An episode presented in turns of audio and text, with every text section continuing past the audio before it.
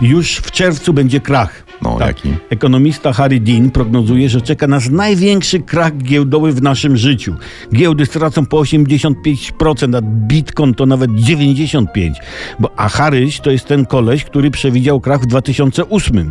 Więc jest nadzieja, że tym razem też ma rację. Mówię, nadzieja to tak z mojego punktu widzenia, bo ja nic nie tracę, nie? Bo nic nie mam już pewnie nie dorobię się, a tu już nie chodzi, nie chodzi o wiek, yy, a, a, ale no, nie ta uroda, prawda? Jedyna możliwość dorobienia się teraz przeze mnie to, że wezmę szpadel, kilow, dobre szczelne gumiaki, plan okolic Wałbrzycha i odnajdę złoty pociąg, który sukcesywnie w tajemnicy sprzedam na części za granicą albo gdzieś, nie? Tu ośkę wagonu sprzedam na złą, tam jakiś złoty puchar wysadzany z pociągu, gdzie indziej jakieś dzieło mistrza pędzla. Podejrzewam duży wybór. Moja intuicja biznes, biznesmena mi to podpowiada, tak zwany nos, prawda?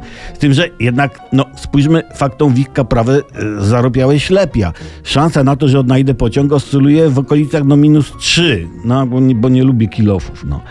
Ale, ha, jest też dobra informacja. Przeczytałem w internecie, że teraz jest dobry moment na wysiew kopru.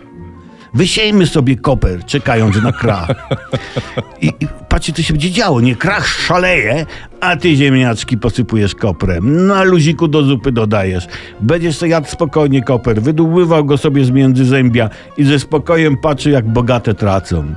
Tak, błogosławieni, którzy nic nie mają, ale bowiem oni będą mieli krach w dupie.